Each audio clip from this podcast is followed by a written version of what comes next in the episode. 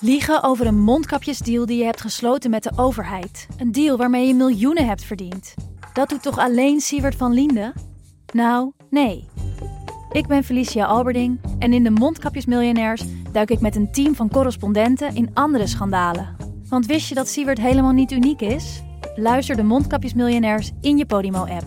Of ga naar podimo.nl slash mondkapjes. En probeer Podimo 30 dagen. podimo.nl slash mondkapjes. Je rijdt dus door een oorlogsgebied op een, op een vellig, terwijl het keihard regent en overal pikdonker wordt. Nee, we durven niet te stoppen. En je- eh, ja, eh, Joep is nooit bang. Joep Vermans, de kamerman, die was nu ook echt bang. Via podimo.nl slash gonzo luister je de eerste 30 dagen gratis naar Podimo. podimo.nl slash gonzo.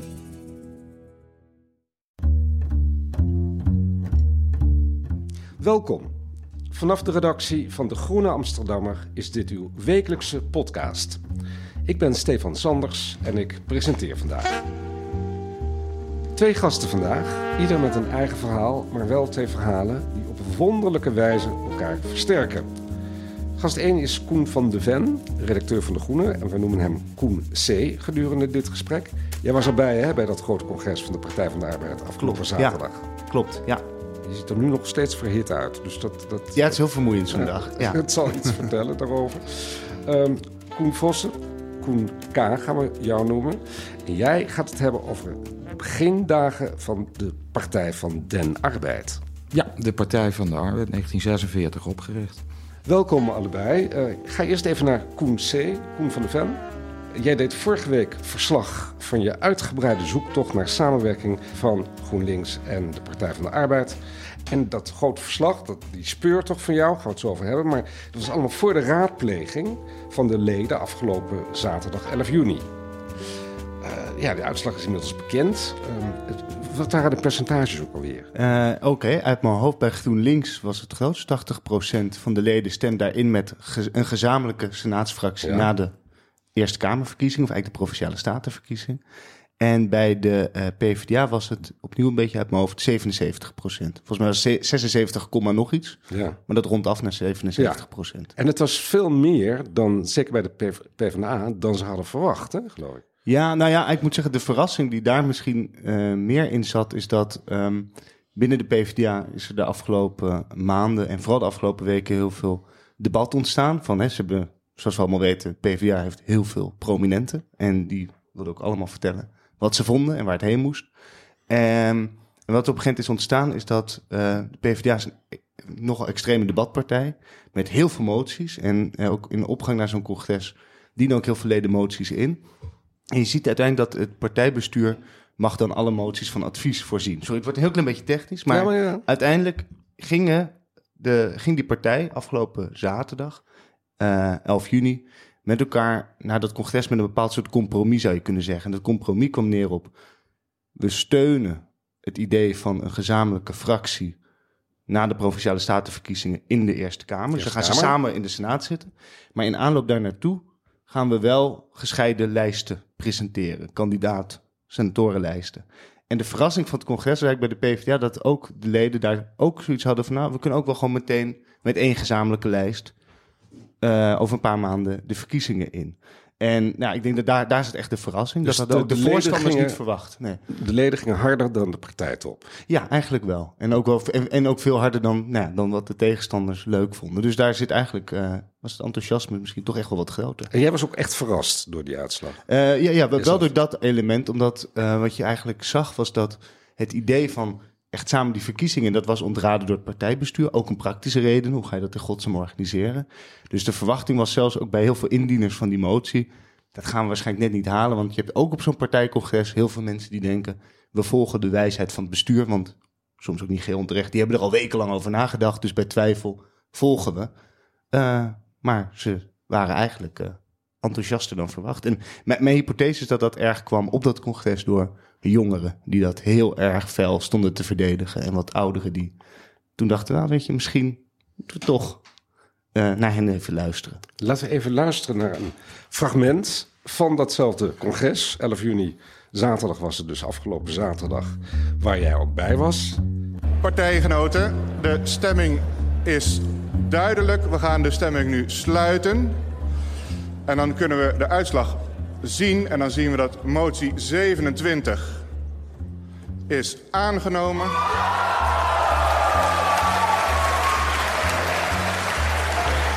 Motie 29. Motie 30. Motie 30 is ook aangenomen. Onze tweede gast, Koen Vossen, Koen K., eh, docent politologie en politieke geschiedenis aan de Radboud Universiteit Nijmegen en ook publicist. Deze week schreef jij het achtergrondverhaal bij die andere onmogelijke fusie uit 1946, vlak na de oorlog, waaruit de Partij van de Arbeid voortkomt, de doorbraakbeweging. Eerst even naar, naar het nu. Uh, heb je die GroenLinks-toestand, uh, samenwerking eventueel met de Partij van de Arbeid nu gevolgd? En, en Uiteraard. Heeft, heeft het je verrast? Um, het aantal, het percentage inderdaad bij de PvdA verraste me wel. Maar wees me tegelijkertijd er weer op uh, dat het soms verraderlijk is om af te gaan op enkele prominenten. Je hebt enkele prominenten, Melkert, Spekman en dergelijke, die daar heel erg tegen uh, zijn. Dan denk je van, nou, die zullen wel staan voor een grote groep in die partij. Uh, maar dat valt dus eigenlijk vies tegen. Dus daar zie je maar weer aan dat het nog helemaal, helemaal niet zo makkelijk is om precies zo'n partij uh, te peilen. Hè? Um, en even nog, even ook een technische vraag. Die, die ledenraadpleging, uh, hoe was de opkomst daarvan? Weet je uit, uit mijn hoofd zat dat op iets van, voor mij hebben daar uh, bij de PvdA iets van tussen de 1600 en 2000 mensen hebben daarover meegestemd. Okay. Zoiets zeg je even gedof ja. weg. En overigens bij GroenLinks heel opvallend 15.000 leden in een online raadpleging. Dat, dat is online, veel, hè? Dat ja, online. ja, ja, Maar het leuke achter er wordt altijd gezegd van, dat is geen debatpartij. Ja. Ik vond het heel wel grappig, echt de helft van de leden heeft meegestemd. Ze hebben ja, iets van 30 De PvdA dus eigenlijk vrij weinig. Ja, ja dat is ook de kritiek van de tegenstanders. Want als je het op zo'n congres, ja, het is ook maar net wie meedoet. Ja. Ook heel veel mensen zitten thuis, stemmen niet mee. Nou ja, goed. Uh, het rare is natuurlijk, de Partij van de Arbeid heeft van oudsher de naam die ze ook zichzelf heeft gegeven, de enige echte politieke partij van Nederland te zijn. Dat was vroeger ook echt zo. Ik kan me herinneren als redacteur op de redactie, deze redactie, de Groen Amsterdammer, dat je eigenlijk als, ja, er waren ook nog CPN'ers toen of ex-CPN'ers, maar de Partij van de Arbeid, je moest je ook verantwoorden als je niet op de Partij van de Arbeid stemde omdat dat eigenlijk, en dat hoor ik ook een beetje in jouw verhaal, Koen van de Ven, dus hè, dat het zo'n politieke partij is met al die moties en die ledenraadpleging en dus inderdaad heel democratisch. Maar zag je daar iets van terug? Want je was op dat congres van de PvdA, dat, dat zelfbewuste. Wij zijn ja, de enorm. grote parlementaire ja, enorm. partij. Dat is wel een ding van, uh, dat zie je op die congres. Zie je trouwens ook als je in Den Haag in de Tweede Kamer over de gangen loopt. Heeft iedereen zijn eigen gang. Maar de PvdA is ook een, bijna een cultuur. Dus als je daar, uh, ze hebben een uh, gigantisch congres. Die is helemaal rood verlicht. Hangt vol met vlaggen. Je krijgt vooraf allemaal zwart-wit beelden van alle oude partijleden. Dus het is ook een soort bad vol nostalgie. En dan vervolgens, en ik denk dat is, dat vind ik gewoon heel typerend. Ik heb nog een online stukje een paar dagen geleden geschreven om even die dag kort te duiden. En dat daar was de eerste zin. Een PvdA-congres is als een VVE-vergadering zonder einde.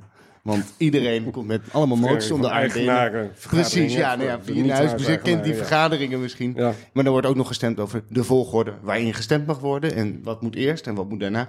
En, maar het grappige is, daar hechten ze ook enorm aan. En ook wel, dat, en dat komt ook terug bij tegenstanders van... wat als dit allemaal verloren gaat. Dus daar Ja, ja. zit ook een... Ja. Die nostalgie, daar gaat ook echt een soort kracht van uit. Gaan we het zo nog over hebben. Koen Vossen, want jij schreef het ontstaan van de Partij van de Arbeid, doorbraakpartij 1946, opgericht na de oorlog. Even voor, voor iedereen weer. Wat was ook, dat was ook een fusie. Welke partijen zaten in die nieuwe Partij van de Arbeid? Ja, dat was uh, een fusie. Waarbij meteen gezegd moet worden: er zat één heel grote partij bij en twee kleintjes. Die hele grote, dat was de SDAP, hè, de Sociaal-Democratische Arbeiderspartij. Ontstaan al in 1894, ook na een uh, roerig congres. Uh, dus ze hebben wat dat betreft een hele traditie. Uh, daarnaast had je de Vrijzinnig Democratische Bond. En dat was, ik zeg maar, een keurige middenklasse partij. Uh, het redelijk alternatief, hè, zullen we maar zeggen. D66. Het heeft heel veel van Gewoon naar D66. Ja, zeker. D66 heeft zichzelf later ook wel eens in die traditie geplaatst. Uh, de derde was een nog kleinere partij, uh, 2%, de Christelijk Democratische Unie, CDU. Ehm, en dat waren linkse, vaak wat pacifistische christenen. Ehm, die, eh, nou ja, voor wie een overstap richting eh, de, de sociaaldemocratie te groot was. Dat zag je veel in die tijd. Hè. De, de, het was niet alleen stemmen op een partij, het was bijna het emigreren naar een ander volksdeel. Dus dat deed je niet snel. En daar wilde die Partij van de Arbeid dus ook heel duidelijk een einde aan maken. Ze zeiden van eind eh, 38 kwamen ze zo op 25 procent, als ik het goed heb. Nou, dat werd maar niet meer.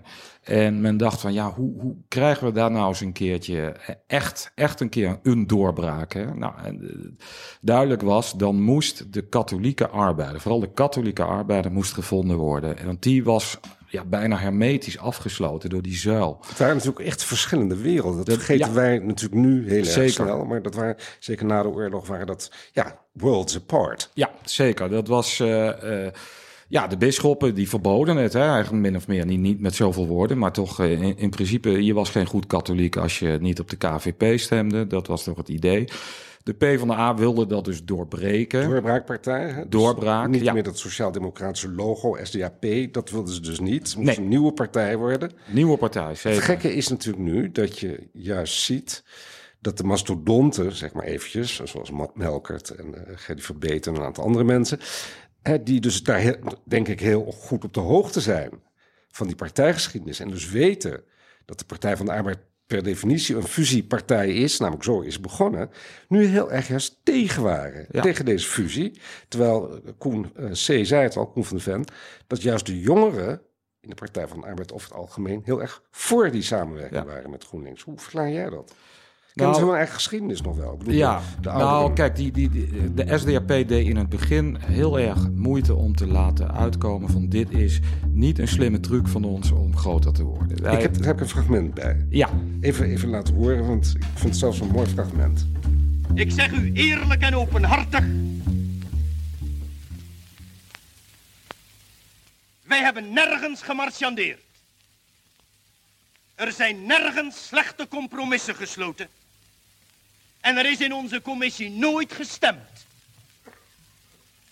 Wij hebben ons laten leiden door een sterk verantwoordelijkheidsbesef. Er moest een doorbraak komen. Nu mag ik het dankbaar uitspreken. Vooral na de beslissingen die gisteren genomen zijn. En de wijze waarop die beslissingen genomen zijn. Er is een doorbraak. Er wordt een nieuw begin gemaakt. Een nieuwe weg wordt geopend. Tot heel van ons volk. Hier is de Partij van de Arbeid. Koen Vossen, 46. Dit was Willem Banning. Willem Banning, de rode dominee Ja, van de Partij van de Arbeid. van de Partij van de Arbeid. En die al in de jaren 30 eh, met een aantal andere rode dominees, dus eh, al de grote emigratie hadden gewaagd. Hè, zo moet je dat bijna zien, hè, naar de, de rode familie. Daar al in de jaren 30 actief was in eigenlijk het propageren van dat het socialisme niet alleen maar als een soort klassenstrijd moest worden gezien, maar ook als wat hij dan noemde een zedelijk beginsel. Dus een meer een cultureel iets, een manier van samenleven. Eh, hij stond toen heel erg voor wat dan werd genoemd het personalistisch socialisme. En het personalistisch socialisme, ja, dat probeerde dat socialisme in zekere zin een beetje te depolitiseren. Dat werd meer een soort ja, cultureel fenomeen, een levensvorm, waarmee het in zekere zin ook acceptabel werd voor vrijzinnig democraten, die natuurlijk in de gegoede buurten woonden en die hadden niet zoveel met klassenstrijd. En de christelijke eh, pacifisten, die, die eh, het wantrouwen hadden tegenover ja, wat men dan het materialisme noemde van de SDAP, namelijk dat ze alleen maar ja, dat ze niet in God en gebod geloofden. Ja goed, Willem Banning. Ja, En hoorden we hier van den arbeid, was het toen nog. Niet van Ja. de arbeid, van den arbeid. Hij zegt heel expliciet, het is geen politieke truc die we hier uithalen. Nee. Jij zei het al, het is een, een zedelijk beginsel dat ons drijft. Zeker. Het gekke is, Koen eh, van de Ven, C... Dat, dat ook weer dat die verdachtmaking speelde bij het, het samengaan van of samenwerking tussen GroenLinks en de Partij van de Arbeid van nu. Dat het een politieke truc zou zijn. Ja. En, en dat, is, dat moet ook de hele tijd ontkend worden. Ja, ja nee, dat klopt. Het, het argument wat de hele tijd nu terugkomt van waarom beginnen we niet met de inhoud? Dat is een soort van, hè, dat, dat, heel veel, dat argument komt heel veel op. Ehm, je hoort eigenlijk bij voorstanders die hebben meer zoiets van ja, die inhoud die ligt er eigenlijk al lang. Dat zijn namelijk twee partijprogramma's die heel erg op elkaar zijn gaan lijken. Dat is de samenwerking die al nu uh, ja, meer dan een jaar stand houdt. En het is gewoon groen en rood samen. Ja, en, en, en daar zie je heel erg ook als je met de partijideologen praat. Uh, het wetenschappelijk bureau van GroenLinks of de W.R.D. Beckman Stichting van de PvdA. Die zien juist in het vervlechten van de idealen in die partijen een nieuwe ideologie ontstaan. Het idee dat juist uh, de grote klimaatopgave en uh, en, en herverdeling en sociale, sociale rechtvaardigheid. Kwestie, hè, zij zien bijna als een als je dat nou weet te vervlechten in deze uh-huh. tijd, dan heb je je nieuwe verhaal. Um, en tegelijkertijd, dat is misschien wel goed, je, je vroeg net, is bijvoorbeeld, zijn mensen als Gerdy Verbeet en Ad Melker de geschiedenis vergeten. Nou, het grappige is, iedereen doet een eigen beroep op die geschiedenis. Dus Frans Timmermans, die gebruikt heel graag het woord doorbraak nu in speeches. Ja, ja. Ook in brieven in de Volkskrant. Banning.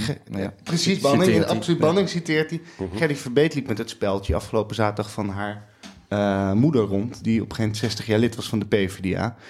En zegt juist, hè, het idee van doorbraak... ons ging het altijd hier bij de Sociaaldemocraten om het verbinden van verschillende lagen in de bevolking. En lukt dat wel met GroenLinks. Dus ze doen allemaal beroep op diezelfde geschiedenis. Want GroenLinks zou dan een beetje de elitaire, ja. cosmopolitische studentenpartij zijn. Dus Hè? Dat... te veel die vrijzinnige democraten waarvan ja. jij net zei, ze de partij die wat op D60 leek. Uh, van vervreemden we ons niet van een ja. bepaald soort achterban. Wat Zeker. ik wilde vragen, Koen Vossen, ja. uh, Koen K., aan jou. Wat mij altijd zo frappeert is dat na de oorlog heb je dan die doorbraakgedachte. Uh, dat is misschien wel begrijpelijk. De Wereldoorlog 2, uh, enorme ravages, maar ook geestelijk. En, en, en Nederland natuurlijk volledig bezet en onmachtig. Uh, het is iets anders. Maar wat mij heel erg verbaasd heeft, is dat er eigenlijk twee dingen zijn. Je hebt koningin Wilhelmina, die bijna een soort autoritair eenheidsidee heeft na die Tweede Wereldoorlog. Maar eerlijk gezegd is die eenheidsgedachte voor de oprichting van de Partij van de Arbeid ook zo'n doorbraakgedachte ik heb dat altijd heel onlogisch gevonden. Ik dacht, vijf jaar lang is de democratie uitgeschakeld geweest. En het eerste wat je wil is nog meer eenheid. Ja. Je hebt nou vijf jaar eenheid gehad onder de naties. Nou, dat is misschien die, die.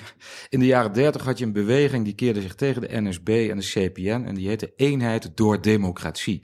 Eh, die, daar zit het helemaal in. Hè? Mhm. Eenheid door democratie. Je zou zeggen, dat kan bijna niet. De democratie is per definitie niet iets wat tot eenheid leidt. Maar dat was dan het idee van, nou ja, tegenover de antidemocraten. Uh, maar daarbij had je al meteen het idee in de jaren dertig uh, dat die democratie, democratie zoals die daar is, dat die eigenlijk niet goed functioneerde. Hè, dus daar was een, ze noemen dat wel de kleine crisis van de democratie. Hè. Het, de praktijk functioneerde slecht, er waren te veel partijen, net zoals we dat nu vinden. Er was een verkeerde bestuurscultuur, zou je kunnen zeggen. er waren nou, een heleboel dingen die je nu ook al herkennen. Je had die, enorm je had die zuilen en, en die zuilen, wat, het, wat daar het, het, het lastige gewoon was, is dat men heel sterk, sommigen hadden sterk het idee dat natuurlijke bondgenoten van elkaar gescheiden werden. Dus katholieke arbeiders zaten in hun eigen zeil, protestantse arbeiders zaten in hun eigen zeil. Dus in die katholieke zeil, dat was natuurlijk een onmogelijk iets. Daar zat, daar zat Philips, eh, de heer Philips samen met zijn werknemers uh, van de lopende band in één partij. Hè, en de boeren en de middenstanders. En dat was heel onnatuurlijk natuurlijk. En dat gold voor die andere zuilen in zekere zin ook. Dus men dacht, ja, dat moet beter. En men keek toen onder meer naar de Verenigde Staten, maar nog meer naar, denk ik, naar het Verenigd Koninkrijk. Waar je gewoon een heel duidelijke tweedeling had. Je gewoon Labour, Conservative, zoiets moeten we hebben. En dat is natuurlijk wel aardig. Jij beschrijft het ook in je stuk. Ja. Dat in 46, meen ik, de Labour Party... Ja, 45. Ja. In 45. Ja. Churchill verslagen, ja. de grote oorlogsheld verslagen, Labour ja. werd grootste en ging de premier leveren. Ja. Dit moet ook bij de uh, PvdA-doorbrakers van toen, in 46, hoop hebben gegeven. Zeker. Dat was uh, echt het, het grote moment voor de Sociaaldemocraten. Daar keken ze naar. Uh, ze hebben zelfs de, de naam eigenlijk gekopieerd. Hè. Ze hebben de posters gekopieerd. Vrijwel exact.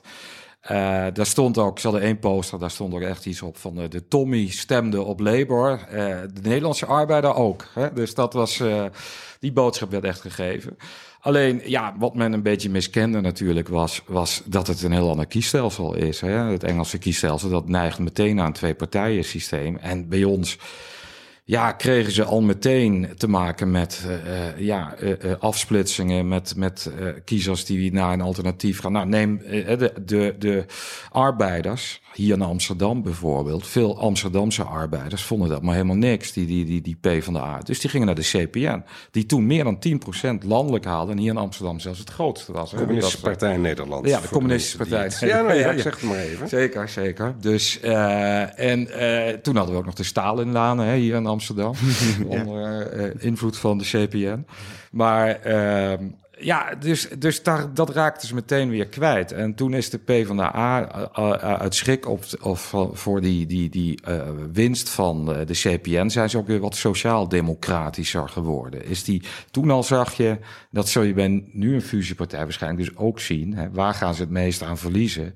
Ja. En dan krijg je het gedoe van moeten we niet meer die kant weer opgaan. Ja, daarom vond ik het stuk zo mooi, want je ziet inderdaad, dat al die angsten, angsten zijn weer actueel. Ja. Inderdaad, van de vraag we, een aantal PvdA'ers aan de meer conservatieve vleugel leeft het gevoel... krijgen we ooit de fortuinstemmen nog terug? Ja. Maar ook de angst, als we verseren met GroenLinks... wie verliezen we aan de SP? Nou ja, Dat zijn ook een soort erfgenamen. Ja, want, want nou, kijk, socialisme dan. Maar Koen C, je, je, hebt dat stuk geschreven van een week geleden. Uh, vond ik mooi getypeerd. Het biefstuk, dat is dan de Partij van de Arbeid van oudsher. Biefstuk socialisme en havermelk. Dat zijn al die hyperbewuste studenten die natuurlijk geen gewone cappuccino meer drinken, maar alleen en het sluiten nog met havermelk. Maar is, dat, ja, we hebben geen, die zuilen zijn er eigenlijk niet meer. Maar zijn er wel die, die levensstijlen die tussen die twee partijen botsen in de werkelijkheid? Ja, je hebt, ja, nou waarom ik het, waarom, ik had die kop al ver vroeg bedacht en toen begint in een gesprek met Jesse Klaver maakte hij ook gekscherende vergelijking. Toen dacht ik, dan kan ik hem helemaal gebruiken. Um, maar de grap is, je, je merkt dat je als je je in verdiept, kom je eigenlijk inderdaad op heel veel cultuurverschillen terecht. En ja, cultuur uit zich altijd in eten. En ook in alle vergelijkingen.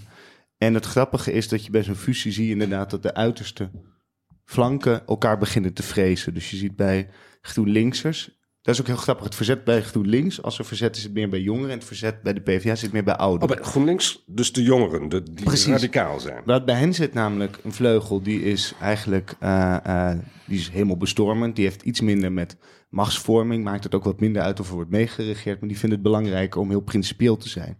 Uh, en die zijn bijvoorbeeld, die kijken naar electorale of ideologische concurrenten als bij een Partij voor de Dieren. En die mhm. denken, waarom zou ik me uitleveren aan een partij uh, van bestuurders, van ook wel heel veel mensen met commissariaten bij Shell, Unilever. Nou, dan speelt dat mee.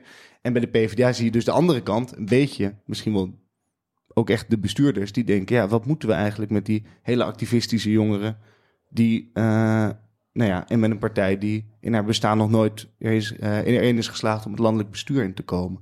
En je ziet dat die twee uitersten, die vrezen elkaar. Het gekke is dat ik ben een buitenstaander, want ik ben lid van, van nog van de Partij van de Arbeid, nog van GroenLinks. Maar als buitenstaander denk je, nou ja, dat is nou toch ook weer niet zo'n enorme verschuiving. Want die twee liggen ongelooflijk dicht bij elkaar. Hè? Je had het al over die partijprogramma's. Dus het leek mij altijd heel logisch dat dat nou eens een wat groter progressief blok gaat worden. Was iemand hier verbaasd over?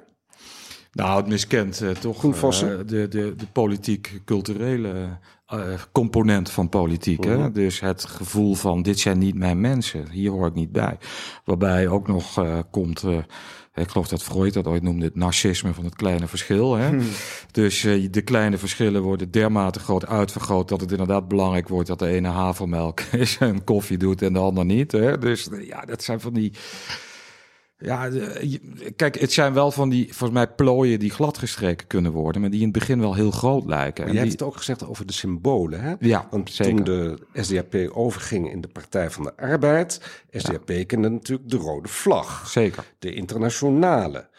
Dat viel helemaal niet zo lekker bij die vrijzinnig democratische bond, denk ik. Bij de meeste zeg maar, progressief-liberale types van die tijd. Hoe is dat toen gegaan, die, die boedelscheiding? Nou, toen uh, eigenlijk uh, wel heel uh, interessant, want daar is een andere grote partij uit voortgekomen. je had Pieter Oud, dat was de minister van Financiën geweest in de jaren dertig. Ik zal bijna willen zeggen, een soort Dijsselbloem in de zin van, hij er werd flink bezuinigd en hij was de kop van Jut voor alles wat links was. De oud-minister van Financiën. Ja, de oud Dijsselbloem. ja. precies. En ehm, die, die, eh, die Pieter Oud, die eh, kwam na de oorlog, eh, zag hij die, die veel van zijn partijgenoten waren wel enthousiast. Hij vond het eigenlijk maar niks, maar hij ging maar meedoen. En wat hij verschrikkelijk vond, is het woord socialisme kreeg hij al echt letterlijk. Hij zei dat echt in de notulen van de laatste vergadering. Hij zei van, ja, dan, ja, dan zijn we dus socialisten. Ja, krijgt bijna mijn strot neer. dus, en vervolgens kwam hij wel met partijvergaderingen. En dan ziet hij dan toch die rode vlag. En, en toen is hij weggegaan. En uiteindelijk heeft hij de VVD opgericht. Dus eh, daar is weer ja, samen met andere liberalen die nooit waren meegegaan. Dus de VVD is in die zin ook weer een product geweest van de doorbraak, fusie van 46. Het raar is natuurlijk dat, en het gemeen ook wel, dat die VVD een, een woord pikte. Wat eigenlijk voor die Partij van de Arbeid ook een mooi woord was: Volkspartij. Ja, sterker nog, eh, de aanvankelijke naam die men had bedacht was Democratische Volkspartij. En eh, toen werd dat toch onder, ik denk ook door die winst van Labour en door de Sociaaldemocraten die dat te liberaal vonden, werd het Partij van de Arbeid. Ja, Koen, Koen eh, C. Ja. van de Ven.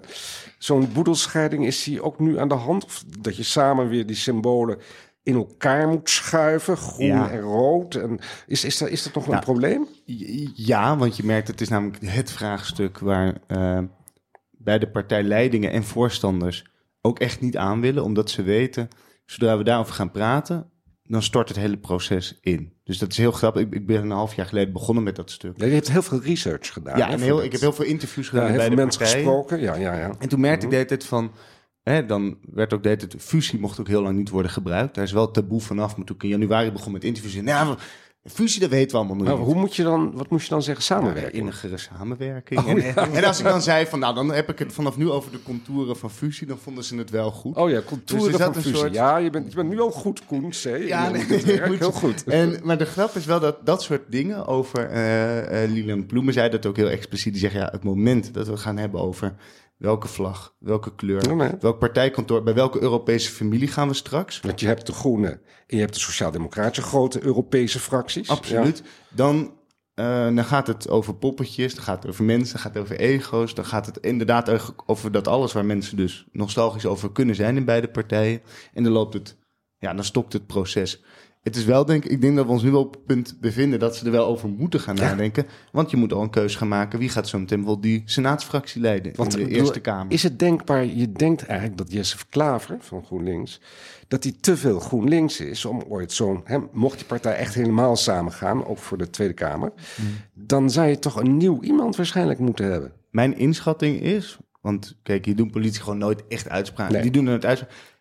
Maar dit, dus dit is puur een persoonlijke inschatting. Ik denk dat eh zowel Jesse Klaver als Liliane Ploemen bereid waren wel tot zelfopoffering voor zijn nieuwe partij. Maar goed, Ploemen is 11 april Die is al weg. Dus dat is. afgetreden. Ja, Is dat met het oog hierop, denk je? dat, dat kunnen we nooit helemaal weten, omdat zij is de enige die die vraag kan beantwoorden. Ja, het ja. enige is wel dat, en dat ze ook wel echt door, zij was, zij was een enorme fusievoorstander. Hè? Ehm, en dat is er wel door bondgenoten wel verweten, dat ze in dat hele precaire proces in het voorjaar is vertrokken. Die Mhm. hebben, het is een beetje een mysterie, Ja, ja. deels nog. Ze heeft Mhm. eigen verklaring waar heel veel van klopt. Maar de vraag van waarom is ze toen echt vertrokken, terwijl je eigenlijk haar grote erfenis is waar deze twee partijen nu Ja. staan.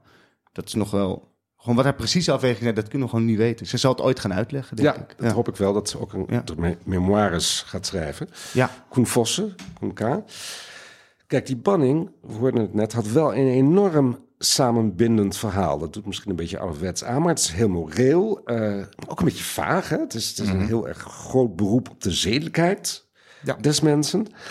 Eh, juist dat vage lijkt me eigenlijk wel slim. En dat heeft uiteindelijk natuurlijk geleid naar de Partij van de Arbeid onder het Drees...